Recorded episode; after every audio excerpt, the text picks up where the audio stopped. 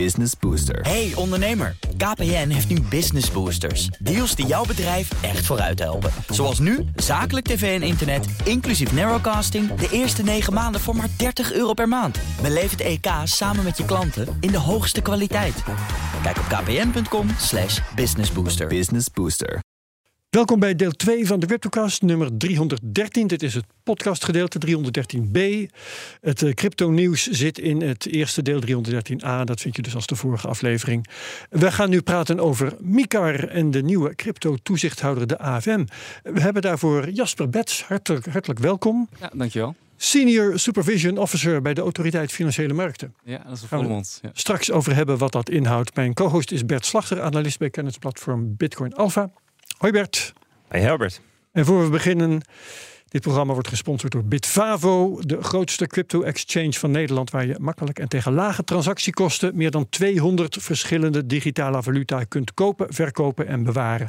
Handel net als 1 miljoen andere gebruikers bij Bitvavo.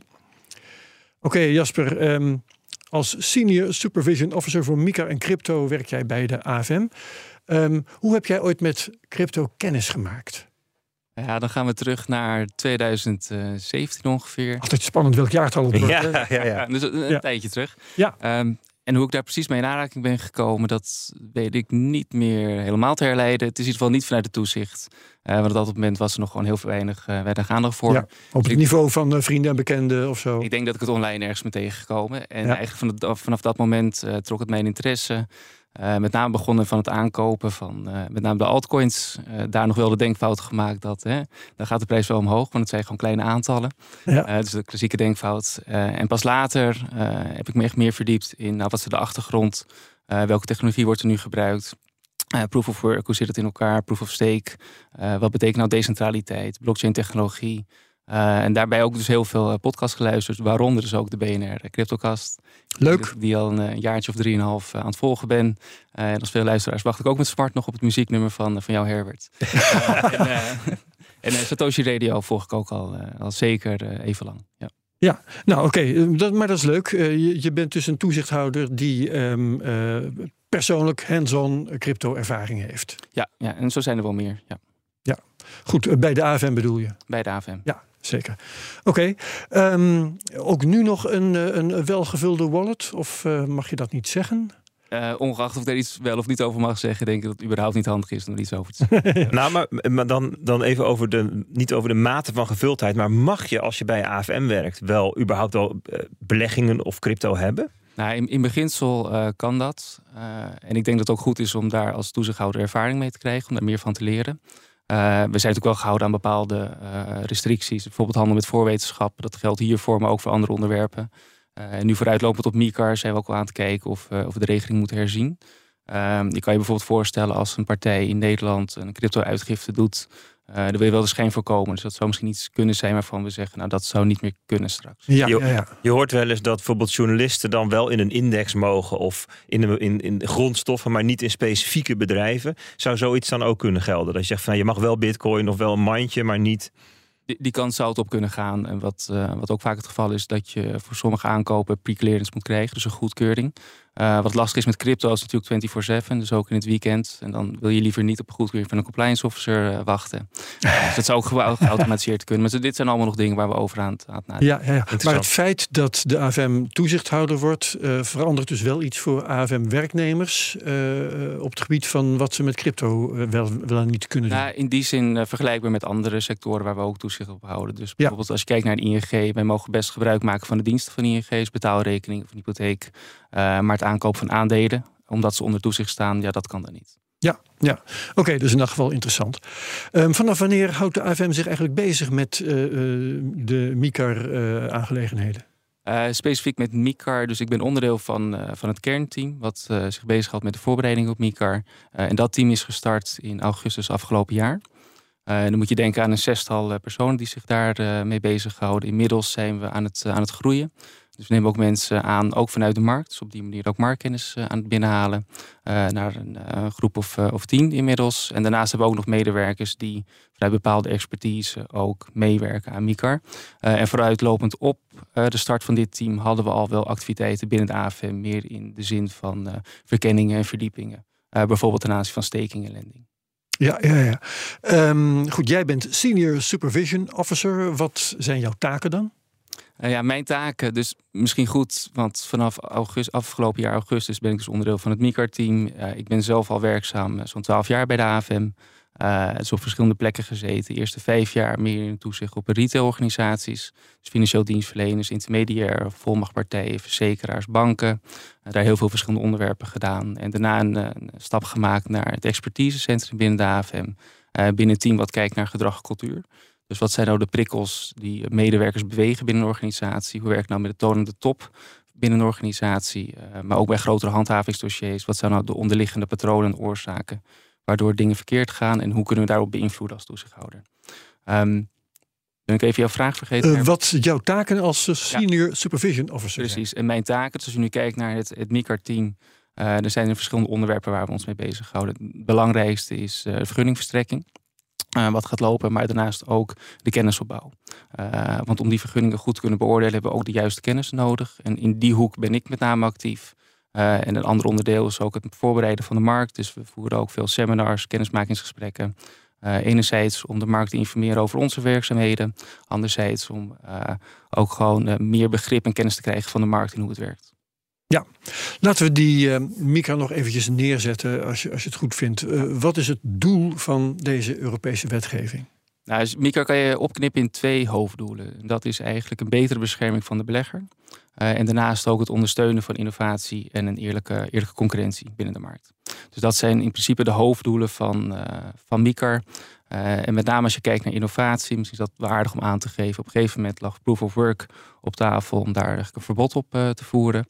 Nou, dat is niet doorgegaan. Dat is eigenlijk een voorbeeld waarmee ook wel ruimte wordt gegeven aan innovatie. En in mijn ogen is dat een goede keuze geweest.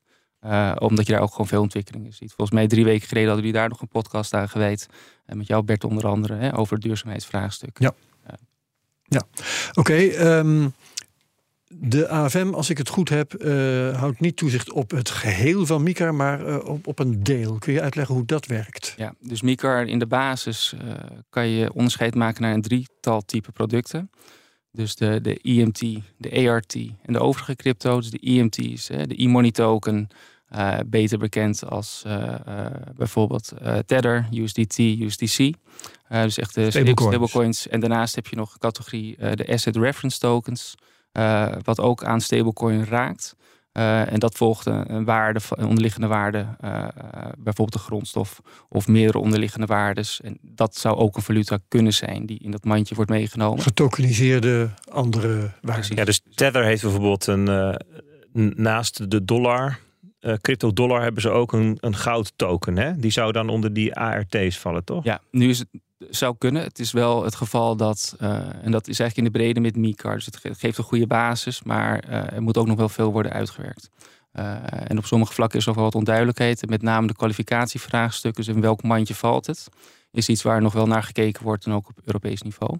maar om nog even af te maken, dus je hebt de IMT, ART, nou dat valt bij DNB onder toezicht. De ART, en de, en, en, de IMT. Dus echt okay, dus ja, ja. stablecoins vallen bij DNB onder toezicht. Ja. Uh, en dan heb je nog de overige crypto. En dat zijn eigenlijk de crypto die, uh, nou, die de luisteraars waar ze bekend mee zijn. Dat is eigenlijk de grote groep. Dat valt onder, onder de AFM. En uh, daarvoor is ook een vergunning nodig vanaf einde dit jaar. Ja, dat, dan, dan wil ik nog wel even ietsjes ingewikkelder maken. Um, dat doe ik graag.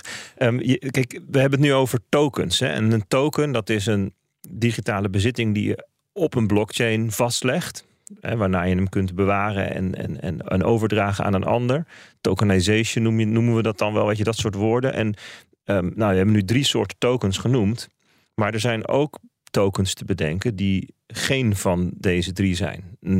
NFT's en de non-fungible tokens. Maar ook bijvoorbeeld, stel dat je een aandeel of een obligatie uitbrengt. Bijvoorbeeld ABN AMRO heeft, volgens mij was het um, kwartaal 4, een obligatie getokenized op Polygon. Hè, het Ethereum-ecosysteem dat is ook een token. Ja. Uh, die valt niet onder Mika, right? Ja, wat, daar ook het geval is, is dat uh, dus je, je, hebt MICAR, maar ook MIFID. En onder MIFID heb je financiële instrumenten. En uh, een groot aantal waarvan verondersteld wordt dat het crypto zijn, kan je misschien ook wel klassificeren als een financieel instrument. Uh, en MIFID gaat voor MICAR. Dus dan gelden de regels voor een financieel instrument. En dus als iets een aan, duidelijk een aandeel is, hè, of een duidelijk een obligatie is, dan is het dus duidelijk valt het onder MIFID. Ook al is het in de verschijningsvorm van een crypto token. Ja. Alleen jij zegt eigenlijk hier tussen neus lippen door. Er zouden best wat crypto-tokens kunnen zijn. Die als je er nou eens even heel goed naar kijkt. Misschien wel eigenlijk op de MIFID zouden moeten vallen. Nou, ik denk dat daar gewoon nog uh, meer duidelijkheid moet komen. Ook vanuit Europees niveau. Dus dat zijn die kwalificatievraagstukken. Misschien nog even okay. terugkomend op de, op de NFT die, die je juist noemt. Uh, dat valt in principe buiten MICAR.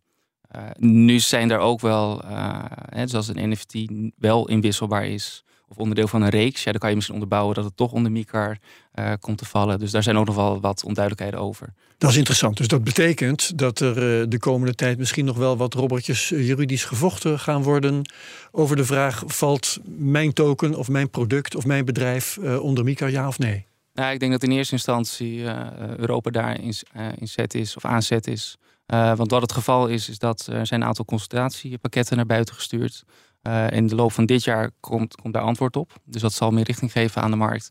Uh, en wat je wel hebt, een nieuwe wet en regelgeving. Dus dat zal ook na uh, de verkrachtwording einde dit jaar, dat zal nog steeds, er zitten open normen in, dat zal nog steeds samen met de markt moeten daar invulling aan geven. En daar zullen ook nog wel juridische kwesties een, ja, een rol gaan spelen en worden uitgevochten. Ja. ja. Dus het is niet vanaf moment één allemaal superhelder. Ja, om die heel eventjes precies te maken. Hè. Je zegt het moment van dat het van kracht wordt. Dat voor de stablecoins wordt dat 30 juni hè, dit jaar. En voor de rest, dus de andere tokens en de cryptodienstverleners, wordt het 30 december. December, klopt. Ja. En vanaf dat moment geldt de MICA um, regulation, hè, de wet. Um, dan moet iedereen zich eraan houden, behalve dat er nog een, een overgangsperiode is. Klopt. Dus in MICAR is er, een, uh, is er ruimte voor een overgangsperiode die maximaal 12, 18 maanden mag duren. Uh, in Nederland ziet het eruit dat het zes maanden gaat worden. Uh, en, de reden daarvoor is dat uh, je wil echt voorkomen, want in die overgangsperiode heb je dus partijen die nu geregistreerd zijn bij de DNB, want dat heb je nodig. Als je dat niet hebt, dan ben je hè, een illegale activiteit aan het ondernemen. Maar die zouden dan in die overgangsperiode mogen zijn of hun, activiteiten voortzetten zonder dat ze onder de MICAR vallen. En eigenlijk wil die periode zo kort mogelijk houden, in ieder geval vanuit het oogpunt van een toezichthouder, om gewoon de bescherming van beleggers wel te waarborgen. aan de andere kant, maar daar komen we straks misschien nog even op, omdat we dus die zes maanden gaan hanteren, gaan wij als toezichthouder wel vroeg open met loket om vergunningaanvragen te doen, zodat partijen ook wel tijdig uh, een vergunning, over een vergunning kunnen beschikken. En in dat geval mag je ook paspoorten. Dus als je, uh, ik zie Bert knikken, dus als je een vergunning hebt uh, binnen Europa, dan kan je vanuit dat land in andere landen actief zijn. Ja, ja, dus, dus, ja. Je, dus je hoeft maar in één land een vergunning te halen en dan kan je in heel Europa actief zijn. En dat is dus anders dan nu met de DNB-registratie. Want daarvoor geldt, dan moet, die moet je in elk land opnieuw bij de AML-toezichthouder gaan halen. En dat was ook altijd een, um, ja, een bezwaar van Europese partijen.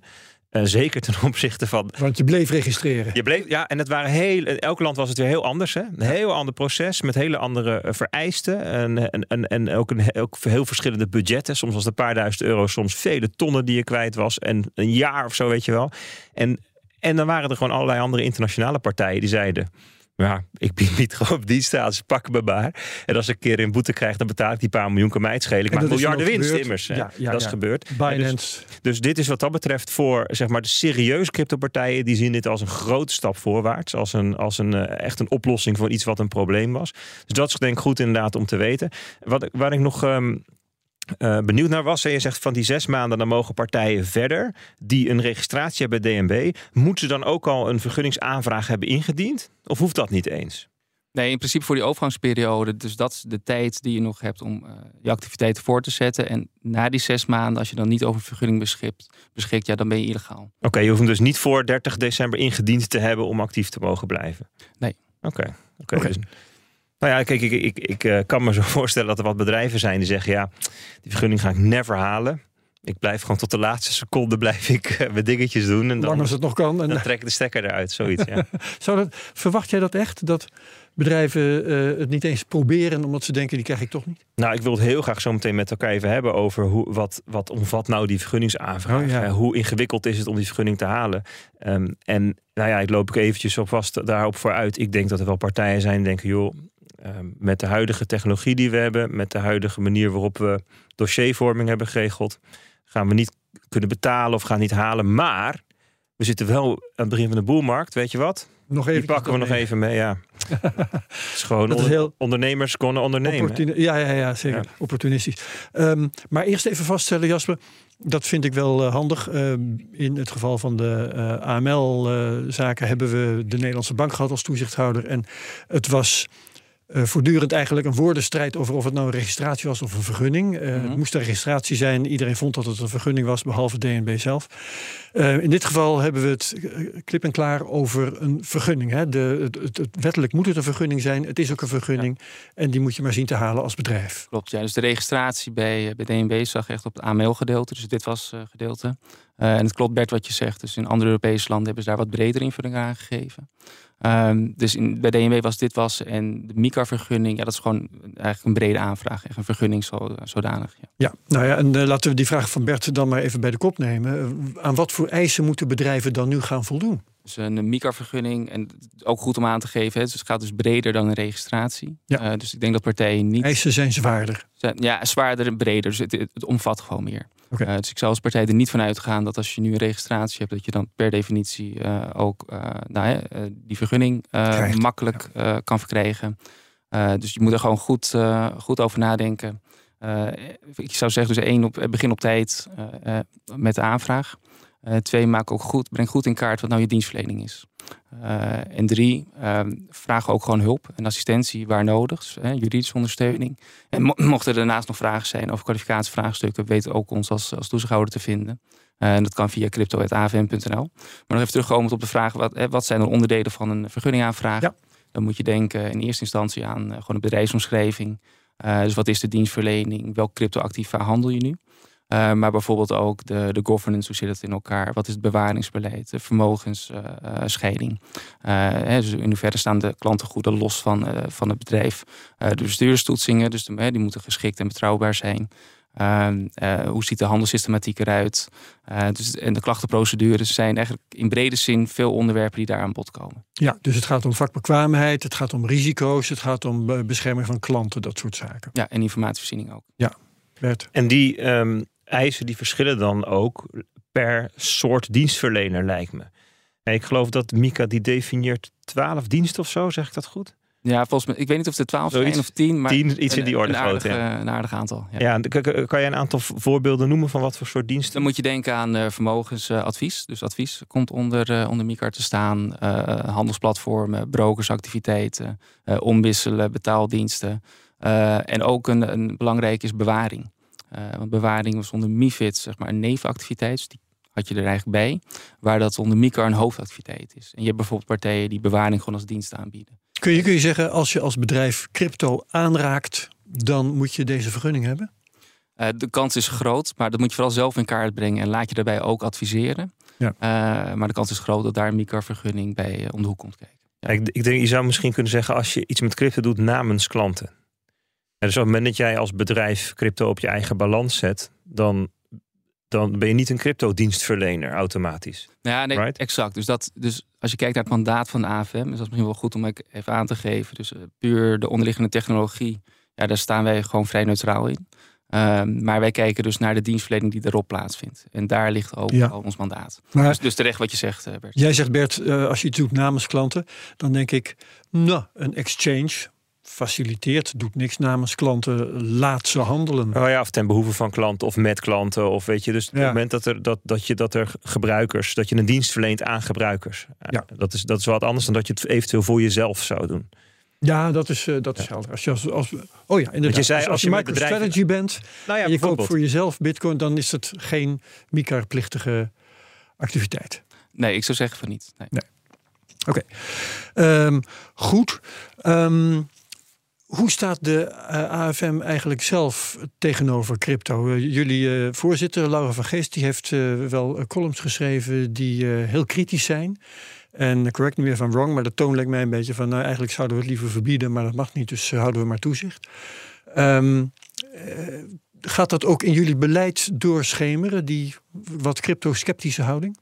Nou, ik, ik denk dat wij in het verleden inderdaad meer aan de waarschuwende kant hebben gezeten in onze communicatie. Um, en in die zin ook niet zo gek bij een toezichthouder die opkomt voor de, voor de beleggersbelangen en de bescherming van beleggers.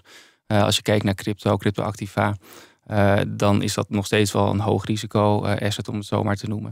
Ja. Um, wat wel het geval is. En dat zeggen wij ook altijd trouwens. Maar dat, ja, dat, dat weet ik. En, maar wat, wat wij ook wel erkennen als, als AFM. is gewoon de toegevoegde waarde van de technologie die erachter zit en de innovatie die het kan brengen. Bijvoorbeeld een snellere, transparantere transactieafhandeling of een onmiddellijke transactieafhandeling. Dat zijn gewoon interessante facetten. maar wat ik net aangaf, als je kijkt naar crypto, en er wordt vaak een containerbegrip gebruikt voor crypto. Terwijl er toch mhm. wel verschillen te, te, zien zijn in bepaalde crypto die uh, meer een technologische nut hebben en daarmee een waarde. Ten opzichte van crypto die meer ja, echt speculatief, hoog speculatief zijn. Uh, en dat is dan ook wel het lastige als je een boodschap naar buiten brengt waar je dan toch niet aan zo'n containerbegrip ontkomt. Dan zal, de, ja, dan zal de richting toch meer richting waarschuwing zijn. Uh, als je het hebt over beleggers, de retailbeleggers, kleine beleggers. Uh, dat je dat wel doet met geld wat je, wat je kan missen. Uh, maar wij kijken zeker wel ook wel breder in die zin naar wat het kan betekenen. Wat het, ook binnen het financieel stelsel. Dus dat, de afgelopen twee jaar is daar wel wat verandering gekomen. En met MiCar hebben we ook gewoon een regelgevend kader. En wordt als een, een assetklasse getypeerd. En vanuit die rol pakken we ook gewoon ons, onze plek als toezichthouder in. Ja. ja je ziet soms wel dat um, um, toezichthouders een bepaalde uitleg van zo'n wet kiezen. Hè. Ik bedoel, uiteindelijk, ja, papier is natuurlijk, dingen zijn altijd wel op een bepaalde manier nog. Het zijn dingetjes die, waar je invulling aan kunt geven. En dan las ik toch recent, um, even kijken wanneer het precies was, 16 februari. Dat is echt heel recent, dus binnen dat twee weken geleden, dat Laura van Geest toch in het Financiële Dagblad schrijft. Eindelijk komen er reclameregels voor cryptoproducten. Helaas geen simpel verbod. En dat, dat, dat echoot heel erg de woorden van Pieter Hazekamp in 2021 was dat over die handel. Ja. En het blogje van onze grote vrienden van de ECB. Die zeggen, joh, de waarde is, waar bitcoin notabene, dus het gaat niet over hoog speculatieve, vage altcoins. Het gaat over bitcoin. De waarde is, de intrinsieke waarde is nul of zo zeggen ze. Verbied die boel. En, en eigenlijk uh, legislators, de wetgevers, zouden het eigenlijk gewoon moeten, van de aarde moeten af... Uh, wipen. Hè, zo. dus... Nou is de AFM geen legislator. Nee, oké, maar dus je, je kunt wel, als, je, als ik dat soort, zeg maar, dat perspectief hoorde, denk ik van dat, dat, dat, dat, dat Kijk, de, de, DNB heeft natuurlijk ook jarenlang een bepaald, bepaalde manier invulling gegeven aan de, aan de AML D5. Hè, aan de, aan de, aan ja, maar wat is je vraag, Bert? Nou, zijpelt dat niet uiteindelijk? bedoel, in de keuzes die jullie gaan maken, gaan jullie daar niet, zeg maar, de, de, de, de, de denkrichting van de top van de AFM volgen? Nou, nee, nou, misschien eerst. Of is er tegenspraak mogelijk binnen AFM? Absoluut, absoluut tegenspraak. Dus in die zin, uh, we zijn een vrij platte organisatie. Um, en wij zijn de afgelopen twee jaar ook zelf bezig met onze kennisontwikkeling. Op dit moment zetten we er ook nog meerdere stappen in. Misschien nog even terugkomend op, uh, je noemt het ECB-artikel of eigenlijk opiniestuk. Um, nou, ik zou willen voorkomen dat, dat wij ook met hen op één hoop worden gegooid. Uh, dat stuk uh, van twee medewerkers, dat hebben ze natuurlijk al eerder een keer naar buiten gebracht. Als je kijkt naar de argumentatie, uh, is dat in mijn ogen een beetje, een beetje achterhaald. En misschien niet per se wat je nou, in de volwassen houding van een toezichthouder die zich ook wil verdiepen in de markt en de technologie zou verwachten. En nog even terugkomend op de komst van, van Laura. Dus ik, ik, las hem niet zozeer in de zin van een reclameverbod, maar het zou misschien de uitvoering voor de markt en voor de toezichthouder makkelijker zijn om daarmee om te gaan. Um, waar wij als AFM eh, niet, uh, niet van zijn, dat noemen ze dan goldplating, dus dat we zeg maar hogere normen nog bovenop MICAR willen gaan leggen. Dus dat is misschien goed om aan te geven. Um, en wij pro proberen ook in onze contacten met kennismakingsgesprek met partijen, de seminars die we doen, ook wel meer ons ja, toe te lichten hoe we naar crypto en de sector kijken. Ja, uh, ja Bert, jij wou nog verder? Ja, dat, dat, dat moet ik dan, ik bedoel, laten we dan beide kanten van de medaille belichten. Ik was bij zo'n seminar op 25 januari, waar alle marktpartijen en ook alle, uh, allerlei adviseurs daarvan, en dus juristen en consultants uitgenodigd waren. Echt, echt, uh, mij betreft, verbazingwekkend mooi uh, vormgegeven. En dus de gesprekken die er gevoerd werden en de toelichting. Maar het mooiste vond ik de, um, de opening van een van jullie bestuurders, was dat, hè? Hoe heet het ook weer? Hanzo? Hanzo. Was, ja, Hanzo. Ja. En Ehm, en die zei, ja, ik heb jaren geleden al een keer de Bitcoin whitepaper gelezen. Waanzinnig om dat te lezen. En zegt, ik heb het speciaal voor deze toespraak nog een keertje gelezen. En um, ja, toen noemde hij een aantal dingen die hem daarin opvielen. Maar dat waren niet gewoon wat quotejes, maar gewoon echt inzichten. Dat ik dacht van, wow, dit is echt wel iemand die dit door, meer doorleefd heeft dan eventjes gelezen. En hij zei van, ja, Bitcoin en misschien crypto is vanuit zijn aard niet te reguleren. En wij zijn de regulator. dus daar moeten wij samen een brug tussen maken. Toen dacht ik, oké, dit is wel echt hele andere taal dan de columns van Laura. Eh, Mhm. Of hoe de. Of de daden van DNB misschien. Exact. Dus dat, dat vond dat, bedoel, laten we die dan om de balans eh, te herstellen, wilde ik deze ook, deze anekdote ook graag nog even noemen. Dat vond ik, eh, vond ik eh, indrukwekkend. Nee, nee, nee, fijn dat je het ook deelt en fijn dat je het aangeeft. Dat is ook ons, eh, onze insteek in die zin. Dus, eh, Mikar brengt uitdagingen en die moeten we ook gewoon samen oppakken als, eh, met de markt om daar invulling aan te geven. Eh, en daarbij hebben we ook gewoon de praktijkkennis nodig vanuit de markt. Eh, om ook beter te begrijpen wat past en wat niet past. Laten we het even over ehm, eh, de rol van DNB als toezichthouder hebben, als je het goed vindt. Eh, er is veel kritiek op geweest. Ze zijn twee keer door de rechter teruggefloten. Er was natuurlijk ook een, een tegenspartelende sector, maar ook wel ehm, eh, momenten dat je dacht, moet DNB nou zich zo gedragen? Bijvoorbeeld de, de eerste registraties. Eh, voor, de deadline die ze zelf gesteld hadden, was er nog maar één registratie vastgelegd destijds. Ehm, hebben jullie het gehad over aspecten van, van eh, ehm, de, de eh, daden van DNB als toezichthouder die je juist wel en andere die je misschien juist niet wilt opvolgen? Nou, ik, ik denk dat we daar als toezichthouder ook wel van kunnen leren. En we, hebben- we hebben ook dialoog met, eh, met DNB. Eh, ik denk ook wel goed is om te begrijpen dat, eh, want we hebben over twee jaar terug, drie jaar terug, dat inmiddels wij eh, vanuit toezichtskant uh, volwassenheidsstap hebben gezet, maar de markt zelf ook. Zodat je ook beter begrijpt wat toezicht is en hoe je daar een dialoog mee kan voeren. Um, en verder denk ik niet dat het aan mij is om over de DNB te zeggen, maar laat het bij onszelf houden dat uh, we proberen wel echt de dialoog aan te gaan met, met de partijen. Ook wat te luisteren wat, wat de zorgen en complicaties zijn. Tegelijkertijd, uh, ja, we zullen ook wel op punten het niet eens zijn met elkaar. Uh, en dan hebben we toch wel onze rol als, als AFM, die we daar moeten innemen. En, uh, maar zolang we gewoon onderbouwd discussie met elkaar kunnen voeren, met de juiste argumentatie, dat is waar wij, uh, ja. waar wij voor staan. En is het, het gesprek met marktpartijen, is dat al op gang? Zeker. Dus wij de afgelopen maanden ook. Dat soort bijeenkomsten zoals Bert exact. nu net noemt. Seminars, maar ook één op één kennismakingsgesprekken. En, daar zetten we op in. Ja. ja. Met wie heb je al gesproken? En ik, ik ga er geen namen bij, bij, noemen. Dat, uh, dat doen wij nooit als, uh, als toezichthouder. Maar we hebben, we hebben veel partijen al gesproken. Oké, okay. um, dan gaat, Mika gaat dus uh, ja, een beetje gefaseerd in, in werking treden. Hè. Bert heeft net een aantal data genoemd. Um, het is een heel divers pakket aan, aan regels. Maar uh, even om bij het begin te beginnen. Um, blijven alle, uh, alle crypto's gewoon verhandelbaar in Europa? Nou, wat je met MICAR, en dat is nu wat eraan komt, dus dat is het whitepaper of, of het witboek. Dus elke crypto-activa die uh, wordt aangeboden binnen Europa, daar moet dus een whitepaper voor beschikbaar zijn. Uh, dat is het geval bij nieuw uitgegeven crypto-activa, maar ook bij bestaande crypto. Dus als je, een, om maar een voorbeeld te noemen, je bent een, een bedrijf of een, of een groep nerds en je wilt een crypto op de markt brengen, dan zul je aan de MICAR moeten voldoen. Ja, klopt. En, en dat betekent dus dat je een whitepaper moet opstellen. En in een whitepaper moeten verschillende onderdelen worden opgenomen. Maar dat zeggen, die uh, moet zelf ook weer aan eisen voldoen. Exact, whitepaper. exact. En die worden ook gewoon voorgeschreven. Uh, Kun je wat wordt, noemen? Wat moet er in een whitepaper moet je bijvoorbeeld staan? denken aan, aan de technologie die wordt gebruikt. het protocol wat eronder zit. hoe ziet het project eruit? Wie zit erachter? Wat is de uitgever? Uh, wat zijn de risico's meer? Dat soort, uh, dat soort ja, ja, ja, dus het is geen, geen vrije oefening. Niet een mooi gloedvol verhaal over we gaan de crypto uh, maken die alle crypto's overbodig maakt en verder zie je maar. Nee, en in principe mag je, mag je er. Of, ja, is, is het idee dat binnen, binnen Europa, dus alle whitepapers, moeten inhoudelijk wel dezelfde facetten beschrijven. Ja, oké. Okay.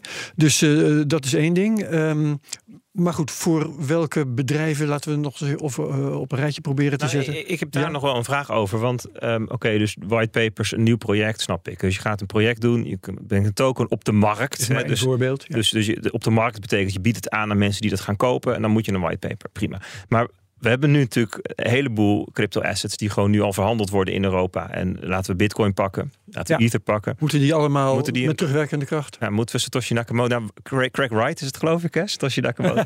die kan nog even een whitepaper. Dan wijden we weer een andere podcast. Ja, wie, wie, wie, moet die whitepaper gaan schrijven dan? Uh, nee, dus, dus in dat geval, uh, deze zag ik wel aankomen, dat uh, nou, voor Bitcoin moet er dus ook een whitepaper komen. Maar dat zal dan door de aanbieder, dus de crypto asset dienstverlener, dus, dus een exchange die, uh, die uh, Bitcoin dan aanbiedt, zal dan over een whitepaper moeten beschikken. En het is natuurlijk wel de vraag wie gaat het whitepaper opstellen. want het werkt zo dat als één provider een whitepaper heeft opgesteld, mogen anderen daar ook gebruik van maken. er is alleen altijd wel sprake van duale verantwoordelijkheid. Je bent zelf altijd nog verantwoordelijk voor het whitepaper wat je dan via jouw platform voert. Wordt het een soort van, komt een soort centraal register waar ze in komen of iets dergelijks? Of hoe moet ik dat voor me zien? Dat, um, bij mijn weten niet, maar wellicht daar op Europees niveau wel over wordt nagedacht. Dat, uh, en wat wel het geval is, je hebt bijvoorbeeld ook prospectus uh, bij de AFM. Nou, die worden vooraf goedgekeurd. In geval van een whitepaper is dat niet zo. Dus dat is wel een verschil. Nee, dus hij, het, het is anders dan een prospectus. Ja. Alleen, kijk, ja, dus je zegt van hij moet op de plek waar je interacteert met dienstverlener, moet jij hem kunnen zien als gebruiker, zoiets of zo. Moet die aangeboden worden. Precies. Dus het idee erachter is dat uh, de belegger dus op basis van informatie van zo'n whitepaper zich beter kan inlezen. Uh, daardoor een geïnformeerde keuze kan maken over het instappen of aankopen van, uh, van een crypto. Nou, laten we even als voorbeeld uh, Bitfavo. We begonnen net de podcast nou, mee. Nu wil ik nog eventjes ja. een vraag stellen die, die we anders verliezen. Um, klopt mijn indruk die ik nu krijg dat uh, de whitepaper van Satoshi Nakamoto, die er al 15 jaar ligt, dat die voldoet aan de eisen van de MICAR, dat die niet voldoet aan de eisen van de MICAR? Want jij, zegt eigenlijk er, er moet een nieuwe whitepaper komen. Nou, als je kijkt naar het whitepaper van Satoshi, uh, van Satoshi is dat met name een beschrijving van de technologie, het protocol, proof of work. Um, en als je, de risico's in die zin, die staan daar niet zozeer beschreven. Dus alleen op dat vlak zou er al een, ja, een whitepaper moeten worden opgesteld. Ja, maar iemand moet dat ergens dus gaan produceren. En dus jullie zorgen niet wie dat gaat doen. Maar als, als niemand dat doet, dan moet bitcoin van de markt. Begrijp ik dat goed? Nou, als er geen whitepaper beschikbaar is, dan mag het ook niet worden aangeboden. Maar ik uh, voorzie dat daar wel uh, een, een oplossing wordt gevonden. Maar die zou vanuit de markt moeten komen. Maar als jij als de, zeg maar, de uitgever de whitepaper niet schrijft en je moet dat als platform doen, dan ben je wel verantwoordelijk voor de, voor de disclosures die je in zo'n whitepaper zet. Dus het lijkt me ook wel een beetje spannend om hem dan te schrijven. Ja, zeker in, in dit geval van, van Bitcoin, waar uh, nou, de bedenker of bedenkers in ieder geval niet meer uh, ja, te bereiken zijn, laat ik het zo maar zeggen. Even uitgaan dat het niet crack is. Ja. Uh, is, is die wel wat lastig. Ehm, maar ik denk dat daar ook wel voldoende informatie is om als uh, cryptodienstverlener daar wel iets voor op te stellen. Dus even, eh, dat wilde ik net even naartoe, naar, naar Bitfavo's. Immers de hoofdsponsor zeggen altijd meer dan 200 crypto's of zo in de. Ja, de, ik nog eventjes erbij pakken. Die, die zal dus voor alle 200 een whitepaper moeten hebben. En anders moeten ze stoppen met het aanbieden aan de klanten. Whitepaper is nodig. Overigens zie je dat veel platformen ook al wel een link naar een whitepaper hebben opgenomen. Ja, maar, maar elk nog... platform zal moeten gaan checken of de whitepaper die ze hebben voldoet aan de regels van de MICAR. Zeker, maar ik denk dat het nog belangrijker is om uh, als, als platform ook zelf na te gaan. Ja, wat wil je nou wel en niet op je, op je gelist hebben op je platform? Uh, en in het begin gaf ik ook aan, hè, dus wij zien als AVM ook wel dat er.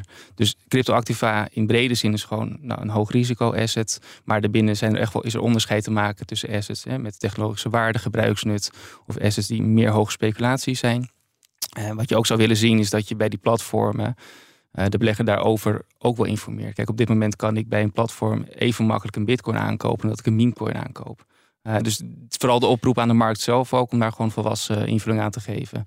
En ook goed na te denken, wat wil je nog, uh, wat wil je nog listen? Je zou dan voor, misschien voor je zien dat zo'n platform bij, uh, nou noem eens wat, Dogecoin of Apecoin, dat hij er dan bij zet, joh, dit is hoog risico of dit is speculatiever dan bij Bitcoin. Of dat je een soort aanduiding maakt, zoiets zie je dan. Ja, dat is aan de markt om, om daar zelf invulling aan te geven. Uh, maar dat er, dat er een onderscheid is, uh, in ieder geval dat is wel wat, wat wij zien als, als toezichthouder. En ik denk zelf dat een volwassen markt daar ook wel volwassen invulling aan moet gaan. Oké, okay, interesting. Wat ik me dan afvraag wie gaat die whitepapers lezen? Uh, we hebben tegenwoordig, hè, als je op een website komt, dan krijg je een, een cookiebeleid en een privacyverklaring uh, krijg je gepresenteerd. En dan moet je klikken dat je dat gelezen hebt. Ja, we weten allemaal dat niemand dat doet. Krijgen we straks ook met uh, cryptocoins. Als je ze wilt kopen, dan krijg je die whitepaper aangeboden. Maar niemand gaat dat natuurlijk lezen. Nou ja, dus in die zin denk ik, en wij hebben de wet niet geschreven, dus om dat nog even, dus wij geven uitvoering aan de wet. Feit, ja. Maar uh, kijk, het, geeft een basis. Uh, en wat daarbij ook wel uh, goed is om te weten, als je kijkt naar reclameuitingen, ja, die moeten dan correct, duidelijk en niet misleidend zijn. En dan kan je ook wel terug herleiden naar dan wat stond er in het whitepaper. Stel, er is straks een platform die breed uit adverteert met het steken van bitcoin. En een stekenspercentage wat je daarop ontvangt, ja, dat rijdt natuurlijk niet met proof of work. en daar kan je er niet van gaan vinden als toezichthouder. Ja, ja. Uh, een ander wonderlijk effect dat ik voor me zie is, want je zegt net, hè, uh, een, een, een, exchange moet een whitepaper hebben, ook voor bitcoin. En waar ze het vandaan halen mogen ze zelf weten. Uh, dat, dat brengt met zich mee dat straks verschillende exchanges verschillende whitepapers kunnen hebben voor verschillende coins. Ja, die zouden inhoudelijk zouden die hetzelfde moeten zijn, maar die kunnen natuurlijk andere woorden bevatten. Oh, maar, ja, maar, inhoudelijk zou, ja. zou, moeten daar dezelfde verzetten terugkomen. Ja, oké, we hebben exchange gehad, we hebben um, uitgevers van coins gehad. Um, vermogensbeheerders, en uh, waarschijnlijk komt het op hetzelfde neer. Hè? Een, Amdex, die, die dit programma ook een tijd gesponsord hebben, die bieden ook aan hun klanten allerlei uh, uh, cryptoactiva aan, moeten ook die whitepapers hebben. Als zij, en aan andere eisen voldoen. Zeker. Dus dat dus adviesdiensten die vallen ook onder MICAR. En daar is ook een vergunning voor nodig. Ja, ja nou ben ik maker van wallets. Ik schrijf soft, software wallets voor op een smartphone of een laptop, wat dan ook. Mm -hmm. Zelfde verhaal? Nou, dat hangt echt specifiek van, van de casus af. Dus dit zijn ook wel ja, ja. de vragen die wij, uh, die wij binnenkrijgen. Uh, het is meer de kwalificatievraagstukken. Uh, en ik kan daar niet zo 1, 2, 3 een antwoord op geven. Dus we zitten nu ook wel veel met dit soort casuïstiek. Om te doorgronden, wat is dan de dienstverlening? Hoe raakt het dan de, de diensten die nu onder micro Kortom, in dit soort gevallen vragen jullie ook af. Moeten wij hier eigenlijk wel toezicht op houden, ja of nee? Ja, en dat, daar proberen we samen met de markt achter te komen. En ook op Europees niveau casuïstiek met elkaar te bespreken. En daar ook richting op, op te krijgen. Maar misschien even ergens één lijn te trekken. Op het moment dat, dat ik mijn eigen sleutels in bezit heb. En de, en, en de partij die mij de wallet aanbiedt daar niet bij kan. Noemen we dan non-custodial of weet je wel, unhosted wallets, weet je, dat soort taal. Ja. Dat, dat is oké. Die software mag ik bouwen, toch? Ja, nogmaals, dit is qua informatie denk ik dan net te weinig om daar als toezichthouder iets van te zeggen. Dus hebben meer, meer over nodig. Dan zit je meer in de, de hoek van bewaring of custody. Uh, ja. Nou, dit zijn vraagstukken die voorliggen en daar kijken we nu ook naar. Uh, ook samen met andere toezichthouders uh, binnen Europa. Ja, om daar een stelling in te nemen wat we daarvan vinden. Maar daar hebben we echt wel wat meer informatie nodig. Dus die vragen, hè, dus meer het verdienmodel, de use case, techniek die er wordt gebruikt, hoe het allemaal is ingericht. Dus dat, het is, het is best wel complex, Mikar, ook voor ons als, als toezichthouder. Ja, bedoel, je zegt wallets, Herbert, maar er zijn natuurlijk tegenwoordig ongelooflijk veel wallets die een soort hybride model hanteren. Ja. En dat je je eigen keys hebt, maar je kunt het ook gedeeltelijk weer herstellen. En uh, dus ja, dat is ook allemaal niet, ja, zo, ja, ja, niet nou, zo simpel meer als vroeger. De, en dat blijkt ook dat er uh, geen gelopen race is, wat er nou wel en wat er nou niet onder valt. Dus dat, uh, dat is heel spannend. kunnen, hebben we ook weer iets om te volgen de komende tijd. Zeker. Anders hebben we niks te doen. Um, er, is, er is één dingetje in de categorie um, mogen aanbieden waar ik nog heel even over wil hebben. En dat zijn die stablecoins. Want Jasper vertelde in het begin dat daarvoor gaat het hè, eerder in. En zeg maar 30 juni. En die zijn voor DNB. Dus en die zijn voor DNB. Ja. Maar er zijn natuurlijk wel cryptodienstverleners die ook stablecoin paren, handelsparen aanbieden. Dus bijvoorbeeld Bitcoin ja. tegen USDT of USDC. Ja. Eh, um, en dan ben ik benieuwd. De Tether en Circle moet, zouden dan het whitepaper moeten maken voor hun USDT en USDC in Europa. En dat zouden ze dan vermoedelijk al uh, ook per 30 juni moeten. Ja, gok ik. Ik kan daar iets op toelichten. Het is wel het werkveld van DNB. Dus als je daar echt specifiek hè, de diepte in willen gaan, zou ik hen daarvoor voor uitnodigen. Uh, maar als je kijkt naar dus de, de stablecoins, in dit geval hebben we dan over de IMT's. Um, ehm, ja, daarvoor is dan, uh, uh, dus die moet geregistreerd zijn bij, bij DNB als betalingstelling of EGI, dus elektronische geldinstelling. Uh, voor de ERT moet je ook een vergunning uh, krijgen vanuit, vanuit DNB om die te mogen voeren. wat daar ook het geval is, dat een, een, stablecoin dermate omvang heeft, dan kan het ook onder, hè, dus een significante omvang, kan het ook onder toezicht van de EBA direct komen te liggen. maar wat ik begrijp. De EBA? De EBA, ja. European Banking Authority? Ja, klopt. Oké. Okay. Dus ja, de Europese uh, ja, tegenhanger van DNB. Dus één niveau erboven Europees. Right. Uh, en misschien wel goed ook om aan te geven is dat daar hier binnen Europa ook gewoon nog uh, consultatiepakketten lopen. Volgens mij is die afgelopen maand afgerond. En dus daar moet ook nog uitsluitsel over worden gegeven. Maar nogmaals, dit is het werkveld van, van DNB. Nee, oké, okay, maar het, het, ergens overlapt het met jullie werkveld. Ja. Want oké, okay, dus, duidelijk. Dus, dus dat na stapje, 30 juni. Exact, dus dat stapje probeer je te maken. Dat, kijk, stel als, als een stablecoin niet gevoerd kan worden of mag worden. Uh, en ik, ik loop nergens op vooruit en ik weet ook niet of daar discussie over gaande is. Maar stel dat kan niet, ja, dan mag een crypto-dienstverlener uh, dat ook niet aanbieden. Maar is het dan per 30 december dat hij dat niet meer mag of vanaf 30 juni al? Oeh, die, dat antwoord moet ik nog even schuldig blijven. Dat weet ik niet exact. Nee. Er ligt nog heel veel terrein braak. Ja, ja, ja. ja, ja. Nou ja, Precies, en dat, dat, dat maakt hem lastig voor de markt, maakt hem ook wel lastig voor ons als uh, toezichthouder. Ik, zoek ook, ik zoek ook de randjes even op. Hè, van, uh, Ja, ik ben gewoon natuurlijk leuk. nieuwsgierig Ja. van wat kunnen wij verwachten als, eh, als nou ja, gebruikers en zo. Ja. Ja, en als journalisten. Ja, we, Ehm, wij proberen ook wel zo goed mogelijk eh, antwoord te geven en ook zo transparant mogelijk te zijn. Maar er zijn ook gewoon veel dingen die nog niet, eh, ja, waar Ja. we nog geen duidelijk antwoord op kunnen ja, nou, misschien kun je vast een plekje in je agenda eh vrijmaken voor, eh, eh, om nog eens hier te komen Volgende als het bijna 30 juni is. Dan, want dan zul je meer moeten weten dan je blijkbaar nu doet. Nou, en dan zou ik ook misschien DNB uitnodigen, want dit is het terrein van DNB. Die, richting die 30 komen altijd graag hier langs, eh, zoals je weet. Ja, laten we zeggen, richting 30 december zouden wij als AFM ook kunnen. Ja, het zijn langs. twee keer geweest eh, tot nu toe, als, uit mijn hoofd gezegd. Dus wie weet, wie weet, we gaan het proberen. Ehm, wat ik wel leuk vind om even met je over te praten, is de finfluencers. Want ik begrijp dat het voor hun ook belangrijk is. Ja. Aan de andere kant, toen ik daar thuis over nadacht, over mijn zolderkamertje, dacht ik, waarom eigenlijk? Want ja, die doen wat aan marketing, maar die, die verkopen zelf geen cryptocoins bijvoorbeeld. Jij bent toch ook een influencer, Herbert? Je maakt zelfs liedjes over bitcoin. Sommige, sommige mensen noemen mij zo. Ik voel me niet. ja, de 100k eh, Bitcoin song, hè, die gaan we binnenkort weer draaien. Ik het.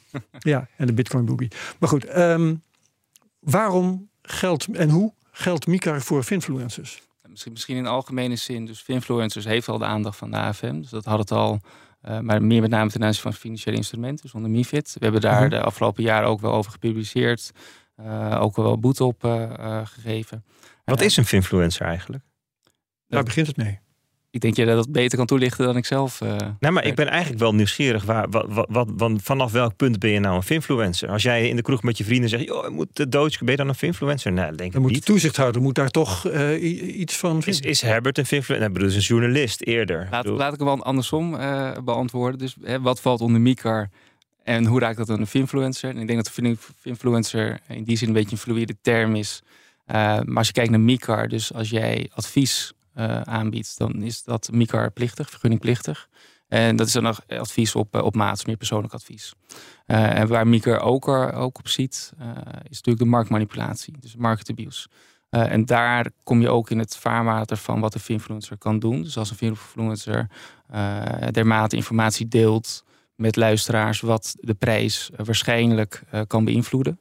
Eh, of een koers. Of aankoopbeslissingen kan beïnvloeden. Exact. En dan kan daar mogelijk sprake zijn van, van marktmanipulatie. En dat is het geval. Hè. Op dat moment kunnen wij als toezichthouder daar iets mee doen.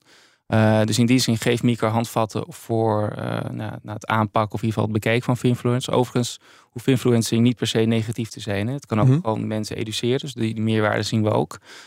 Echter wat we ook zien, en het is dan even los van, van crypto, maar meer de, onder het MIFID-stuk, dat er ook wel illegale partijen gebruik maken van finfluencers. Nou, dan is het ook aan ons om daar achteraan te gaan. Het is ook wel de vraag.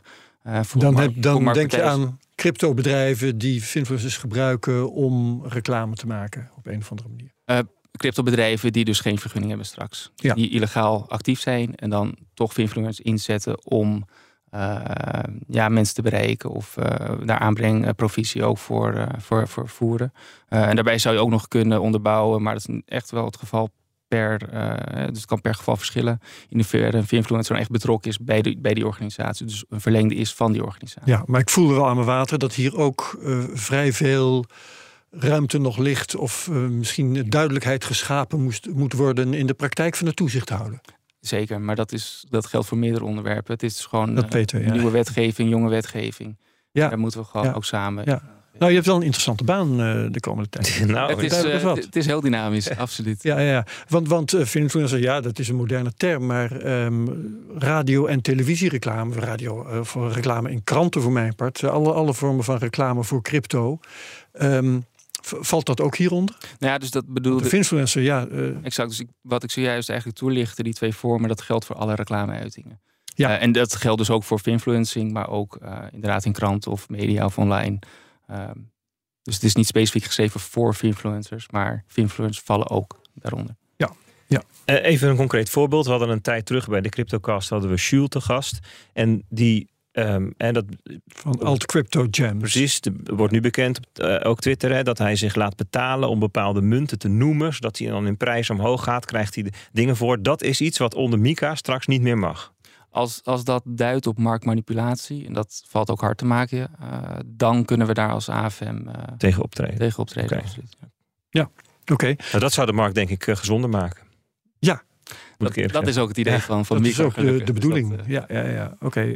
Helder. Um, zullen we het eens gaan hebben over het aanvraagtraject? Dat vind ik Goed wel. plan. Uh, ja, uh, ik, ik ben cryptobedrijf. ik begrijp dat ik onder de micro val. Ik wil een vergunning. Ja. Wat moet ik doen? Nou, wat wij op dit moment partijen oproepen te doen, is het voeren van een pre-scan gesprek. Dus dat is eigenlijk vooruitlopend op een vergunningaanvraag. Dat betekent aankloppen bij jullie en een praatje maken koffie drinken. Min of meer. En het is, het is niet per se nodig, maar uh, het, voordeel daarvan is dat in zo'n pre-scan gesprek, pre gesprek met elkaar gewoon kunnen aftasten. Wat zijn nou belangrijke onderwerpen? Uh, en alvast kunnen vooruitlopen op de vergunningaanvraag. En misschien dat bepaalde aanpass aanpassingen nodig zijn. Dat zo'n partij er al mee aan de slag kan. Uh, en het portaal voor de vergunningaanvragen die gaat open op 22 april. Overigens, mochten uh, luisteraars daar meer over weten, als ze willen weten, als er marktpartijen luisteren, kunnen ze ook naar afm.nl slash cryptopartijen. Dus daar publiceren we zo nu en dan wat meer informatie. Q&A's komen er ook aan. Dus dat toch even terzijde. Maar 22 april gaat het dus open, vergunningaanvraag. en dan is het wel het geval dat, nou, we, waar wij op mikken, is dat de aanvraag zo kwalitatief hoog, hoog mogelijk is. en dan moet je denken aan dat de informatie die wordt aangeleverd goed gestructureerd is. Dat we ook goed weten en kunnen inschatten wat waar staat. Uh, overigens zijn er veel richtlijnen en formats voor een vergunningaanvraag.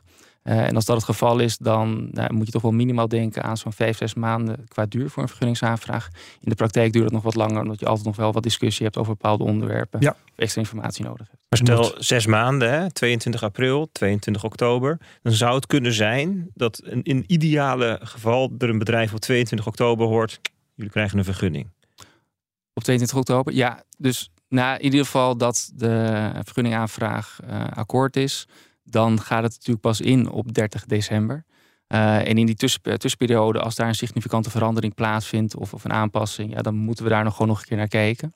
Maar de vergunning die wordt pas op 30 december verstrekt. Precies, en je mag, mag je dan wel al op 22 oktober, als je weet ik ga hem krijgen, zeggen wij gaan hem krijgen? Of moet je daar ook... Hm. Daar moeten wij nog uitsluitsel over, uh, over uh, hebben, maar dat, daar zijn we geen voorstander van. Dat lijkt me niet, uh, niet wenselijk. Dus het is het idee dat, dat er zoveel mogelijk partijen die dat echt willen, op 30 december met elkaar tegelijk. Ja, ik moet ineens denken aan die paardenrace van de ETF's, Herbert. Daar ging het natuurlijk ook over. Hè? Van dat, de, dat de SEC die wilde ja. heel graag dat alle aanvragers van die, van die ETF's. Geen partijen een voorsprong kregen. Precies, dat ze niemand voortrokken. Dat ze allemaal tegelijk van start konden. En nou ja, dat, zo klinkt het ook een beetje. Als je nou allemaal op tijd. Nou, het verschil is nu wel dat het nu gaat uh, in, overwegend om partijen die al op de markt actief zijn. Dat is waar. Dus dat is geen waar. startschot. Maar ze mogen straks wel Europa in. Dat is wel een verschil. Dus daar is natuurlijk wel als we dat willen. startschot. Is, uh... Ja, maar goed, zeker partijen als Kraken en Coinbase willen dat. En als je daar, ja. te, als je daar tegenover wil staan, hè, Bitfavo heeft dat ook wel eens gezegd, we willen in Europa een groot speler worden, Bitpanda. Ja, dan wil je natuurlijk gewoon op dag één wil je aan de slag kunnen. Maar misschien nog goed om aan te geven, hè, want je noemt het voorbeeld van 22 oktober, is, is het uh, min of meer uh, duidelijk voor een partij. Uh, kijk, er kan altijd iets gebeuren daarna. je noemt Kraken, hè, misschien bijvoorbeeld een overname of iets wat er gebeurt significants. Uh, dus ja, het, het, lijkt mij niet, uh, niet wenselijk om al vanaf dat moment al naar buiten te brengen dat je uh, door de vergunningperiode heen bent. De aanvraag. Dus dat kan echt pas op 30 december. Ja, dus 30 december, dat is het moment. En dan, nou ja, dan zijn we benieuwd hoeveel. hoeveel ja, er, nou hoeveel, dat is wel interessant, want um, waar hebben we het over? Hè? We hebben een aantal categorieën hebben we wel besproken. Exchanges, vermogensbeheerders, brokers, brokers makers van software, in sommige gevallen influencers.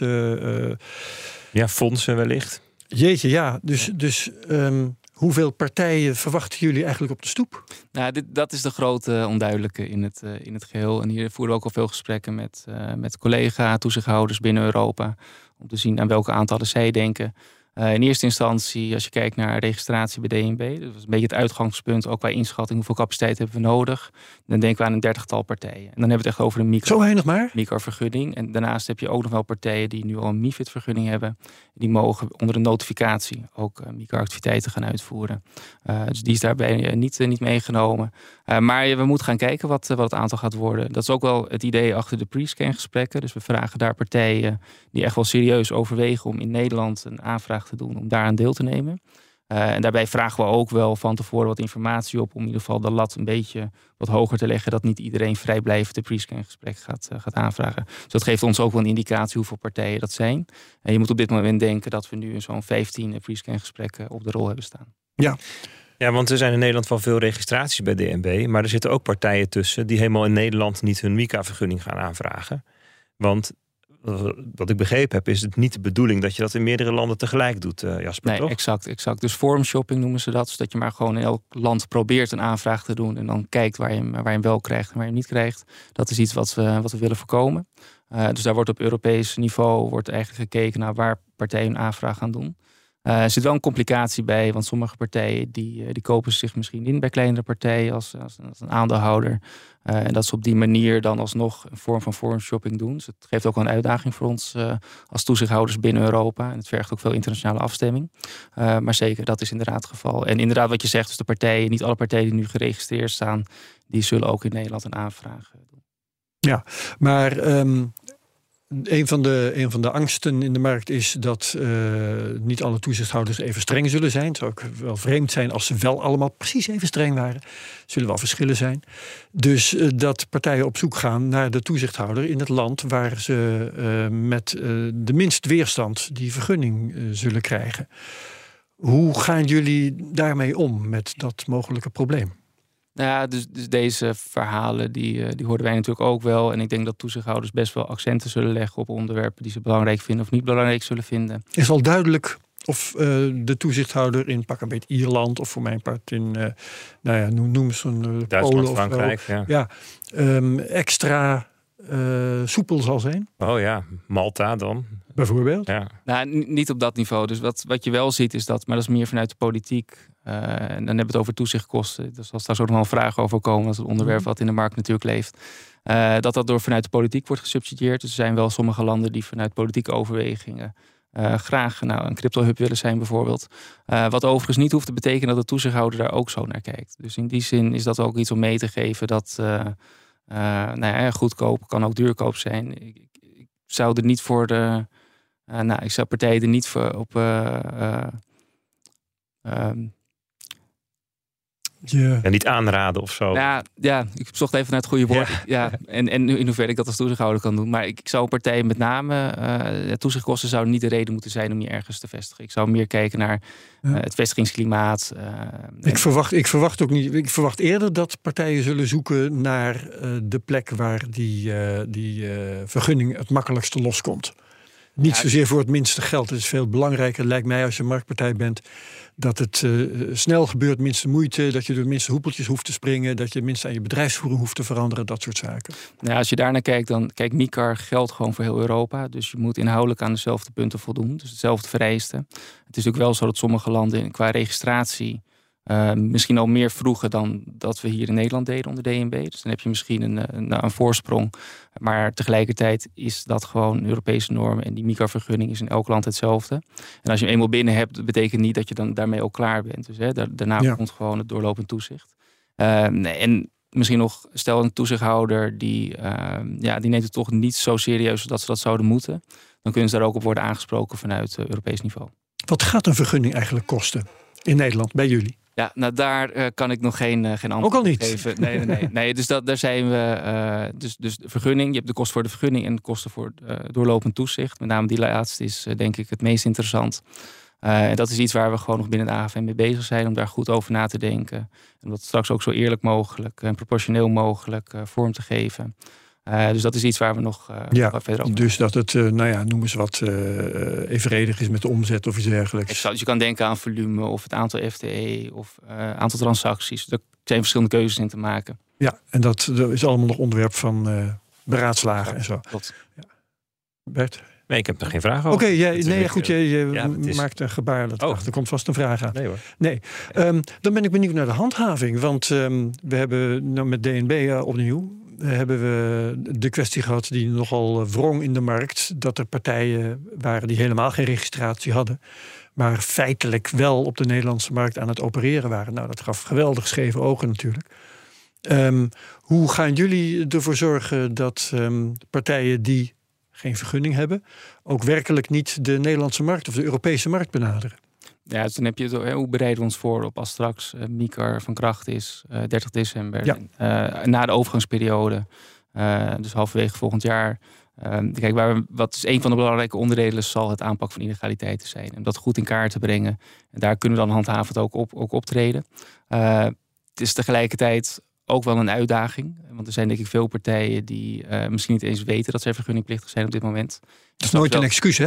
Nee, nee, nee. Dus dat, nee. dat zeker niet, zeker niet. Maar het is wel lastig als die onder de radar vliegen, hoe wij dat boven de radar kunnen krijgen. Ja, nou, dat... daar, daar, zullen de marktpartijen die wel een vergunning hebben, jullie graag bij helpen. Want als die merken dat ze concurrentie ondervinden van iemand die die moeite niet heeft genomen. Nou, ik ben blij dat je dat zegt. Dus dat ja. is exact ook waar, uh, waar wij. In ik wil niet het woord andere... kliklijn gebruiken, maar uh, ze vinden jullie wel. Uh. Nee, nee, zeker. In andere sectoren is dat ook, ook wel het geval. Dus we zijn ook wel afhankelijk van informatie die we vanuit de markt zelf krijgen of vanuit klanten. Ja, um, maar wat, wat is de straf op opereren op de Nederlandse markt wanneer je geen vergunning hebt? Hoe, uh, hoe gaat, of of uh, betekent dat dat iemand dat, dat een partij geweerd moet worden of zo? Ik, ik weet niet wat uh, de hoogtes van boetes zijn in, in dat geval. Dus dat, maar er zijn wel boetes. De, daar kunnen wij handhaafd op optreden. Dus het, het, arsenaal wat daarvoor klaar ligt, kan ik niet zo 1, 2, 3 duiden. Maar dat we daarop kunnen optreden, is, is zeker een feit. Misschien moeten we het nog heel even hebben over banken. Ja, precies. Want ja, die hebben natuurlijk altijd in ieder geval in Nederland gezegd: crypto moeten we helemaal niets van hebben. Nee. Maar als we even... Dus dan hebben ze met Mika ook niks te maken, zou ik zeggen. Nee, dan, heb, dan hebben ze. Nou, dan, zelfs dan hebben ze nog met Mika wel te maken, omdat ze dan nog met tegenpartijen te maken hebben die onder Mika gaan vallen. Dus ze zijn zich er allemaal al een tijd in aan het verdiepen. Maar als we ook even uit het raam kijken naar andere landen om ons heen, dan zien we dat in veel andere Europese landen banken een heel groot stuk verder zijn en al veel meer met crypto doen, het aanbieden aan hun klanten. Eh, van, de, van Deutsche Bank en, en de Commerzbank in Duitsland en de Raiffeisenbank Bayern. En uh, weet je, het is daar veel meer. Ja, weet je, klanten vragen erom, dus laten we ze dat maar eens aanbieden. In Nederland is, dat, is, is elke bank hier heel ver van gebleven. En ik, naar ik mij heb laten vertellen, heeft dat te maken met DNB. Ik kan me voorstellen dat nu Mikar straks van kracht wordt, dat ook Nederlandse banken daar anders naar gaan kijken en zeggen: Nou, dan zijn we ja, van DNB af. Laat, nou ja, dat niet per se, maar, maar het is wel zodanig gelegitimeerd dat je kunt zeggen: van ja, jongens, um, hè, dat je tegen je toezichthouder kunt zeggen, DNB in dit geval, wij vinden dat we ook iets met crypto moeten kunnen. En uh, misschien zeggen ze wel met de business case op tafel: dit is een, wij willen ook wel een stukje van die taart. Ja, dat vind ik al jaren heel vreemd dat ze dat niet willen. Gaan goed, zij straks ja. gaan zij ook bij jullie langskomen? Of hoeven ze, hoeven ze niet bij jullie langs te komen? Hoe werkt dat voor banken? Ja, dus, dus een bank uh, ja, die, die beschikken nu over een MIFID-vergunning. Die zouden dan via notificatie zouden ze actief kunnen zijn. In, uh, wat moet je even uitleggen wat dat is, een notificatie? Notificatie is, um, dus, dus bij een vergunning worden een aantal onderwerpen bekeken. En als je notificatie hebt, dus dan ben je al eerder door een vergunningsproces geweest voor MIFID. En dan zijn er bepaalde onderdelen die je niet nog een keer gaat toetsen. Bijvoorbeeld of de bestuurders uh, geschikt en betrouwbaar zijn. Dus een notificatie is eigenlijk een wat lichter vergunning uh, qua onderdelen die worden getoetst. Dus die zou ook wat sneller verstrekt kunnen worden. Maar ze hebben nog wel een aantal uh, dingen waar jullie dan naar zullen kijken. Nee, zeker, absoluut, absoluut. Dus ze moeten wel naar jullie toe of moeten ze naar DNB? Nee, dan? ze moeten naar ons toe. Okay. Dus dat, dat ligt bij ons. Uh, en dan heb je ook altijd nog een stukje prudentieel toezicht. En daarvoor is DNB verantwoordelijk. Zo Wat betekent dat, dat? Prudentieel toezicht? Prudentieel, dus dat is meer de, de, het financiële gedeelte. De solvabiliteit, liquiditeit. Okay. Um, en zo hebben we dat in Nederland ingeregeld. Dus wij hebben een Twin Peaks model noemen we dat. Dus we hebben een prudentieel toezichthouder DNB en een gedragstoezichthouder AFM. Waar je in andere landen dat misschien in één toezichthouder hebt. En jullie worden dus gedragstoezichthouder ook op de cryptosector. Maar gaan jullie dan ook prudentieel toezicht doen op de cryptosector? Nee, het prudentiële gedeelte ligt bij DNB. Dat blijft bij. Okay. En dan wordt jouw vervolgvraag naar waar kom je dan terecht voor een vergunning aanvraag. Dat is echt bij de AFM. Oké. Okay. Ja. En dan jullie een klein stukje daarvan. Zo weten natuurlijk al dat het witwastoezicht, dat lag al bij DNB. Dat blijft ook zo, neem ik aan. Nee, witwastoezicht komt bij de AFM. Terug. Dat komt bij AFM. Ja. En, mm-hmm. en, en DNB gaat dan alleen maar het prudentiële stuk. Prudentiële stuk. Ja. Zij gaan kijken naar kapitaalbuffers en dat soort. Uh... Ja, en, en dat, zo werkt dat ook voor andere sectoren. Oké. Okay. Omdat we dus dat Twin Peaks model hanteren binnen Nederland. Oké, okay, interessant. Ja, en een bank die uh, niet crypto's gaat aan. Een bank die wel crypto's gaat aanbieden, stel dat ze dat zouden willen, die moet dus uh, nou ja, Amica gaan voldoen. Dat, dat kan dan geregeld worden. Een bank die uh, alleen maar, zet er even tussen aanhalingstekens, um, cryptobedrijven als rekeninghouders heeft. Heeft die hier nog mee te maken of niet? Als, nou ja, dat nou, daar zouden we dan nader naar moeten kijken. Ook maar, nee, maar mijn eerste antwoord zou zijn uh, dat dat niet. Uh, het zit meer op de risk appetite van de bank zelf. En dat is dan een discussie die je met DNB voert, dus niet met de Ja. AFM. Maar in eerste instantie, voor zover ik dat vanuit de AFM kan bekijken, eh, nou, het valt in ieder geval niet onder, onder MICAR in die zin. Oké. Ehm, nou ja, ik was net al half door mijn vragen heen. Nu helemaal volgens mij. Heb jij nog vragen, Bert? Nee. Nee, ik ben wel heel erg benieuwd. Ja, het is, het is, het is Spannend. toch wel een beetje eh, het einde van een tijdperk voelt het of zo. Dat we, ja, hoe lang is Bitcoin er nu? Hè? Ik bedoel, 15 jaar. Hè, ik bedoel, 15 jaar zijn we onderweg. En dan staan we nu een beetje op het punt om ja, toch een soort nieuwe era in te gaan, Ja, heb ik het ja. idee. Ja. Ehm, dat brengt me trouwens op een vraag die ik nog wel wilde stellen. Eh, eh, Laura van Geest die heeft ook al eh, eh, gehint in de richting van MICAR 2. Eh, wa- wat zijn voor jullie de lege plekken die op dit moment in MICAR zitten... die toch hoog nodig nu al gestopt moeten worden? Nou, ik weet niet of er echt, echt lege plekken zijn die gestopt moeten worden. Dat zal straks in het doorlopend toezicht zal daar meer, meer op, eh, op uitkomen. Maar er zitten nu gewoon nog wat onduidelijkheidsvraagstukken waar al antwoord op gegeven eh, gaat worden. Zit- En dat zit meer op de kwalificatievraag. Dus is het een EMT, is het een ERT of valt het bij ons onder, eh, Ja. toezicht? Die met name. Eh, en verder, ja, kijk, de NFT's die buiten toezicht vallen. Bijvoorbeeld, Of ja. eh, decentrale exchanges, waar je ook wel vraagtekens bij kan zetten. Dat is iets wat ook in, in de MICAR 2 evaluatie mee kan worden genomen. Maar ik denk dat vooral de praktijk moet laten zien wat, eh, waar de, ja, de open vragen nog liggen. En dat het ook, ook moeten zien in hoeverre de markt echt volwassen invulling kan gaan geven aan, aan deze wet en regelgeving. In die zin zijn ze zelf ook wel in de lead. Dus dat is ook. nou, ik zou daar gewoon de volwassenheid pakken als ik de markt was. En ehm na hoeveel tijd willen jullie de balans op gaan maken? Hebben jullie al eh, een plan om dat na een vaste tijd te doen? Of ehm, wat, wat zijn de voornemens op dat punt? Ja, dat vindt op Europees niveau plaats. En dus dat, daar is, dat is al ingericht volgens mij. De exacte tijden daarvoor weet ik niet. Maar eh, volgens mij halverwege 2025 komen daar al eerste nou, eh, aanbevelingen. Of in ieder geval eh, evaluaties. En in 2027 ook. Dus dit, dit zijn lange trajecten. En als je kijkt naar nieuwe wetgeving. Ja, dat duurt gewoon jaren wat er overheen gaat. Maar dat er al wordt geëvalueerd. Dat is eigenlijk doorlopend. Oké. Ik weet genoeg. Ehm, hebben we nog dingen niet gevraagd die we wel hadden moeten vragen? Nou, misschien nog één punt om mee te geven. Dus we hebben deze hè, de hele tijd over MICAR. MICAR is een stap in, in de goede richting. Ja. Eh, maar er blijven ook zeker nog wel risico's bestaan. En ik denk dat het goed is voor de cryptobezitters, de beleggers, om daar bewust van te zijn en je wel goed te blijven educeren, informeren. En ik hoop dat daar de, de cryptodienstverleners ook een, eh, nou, een goede rol in kunnen gaan vervullen. We hadden te gast Jasper Bets, Senior Supervision Officer voor MICAR en crypto bij de AFM. Hartelijk dank. Graag gedaan. Ik dank ook Bert Slachter als mijn co-host vandaag. Dankjewel Bert. Vergeet de CryptoCast niet te delen met je volgers op Twitter en gebruik dan de mention at CryptoCastNL. Laat reviews achter op Spotify, dan zijn we beter vindbaar. Like, subscribe en comment op YouTube. En voor de rest dankjewel allemaal. En heel graag tot de volgende week bij de CryptoCast. Dag.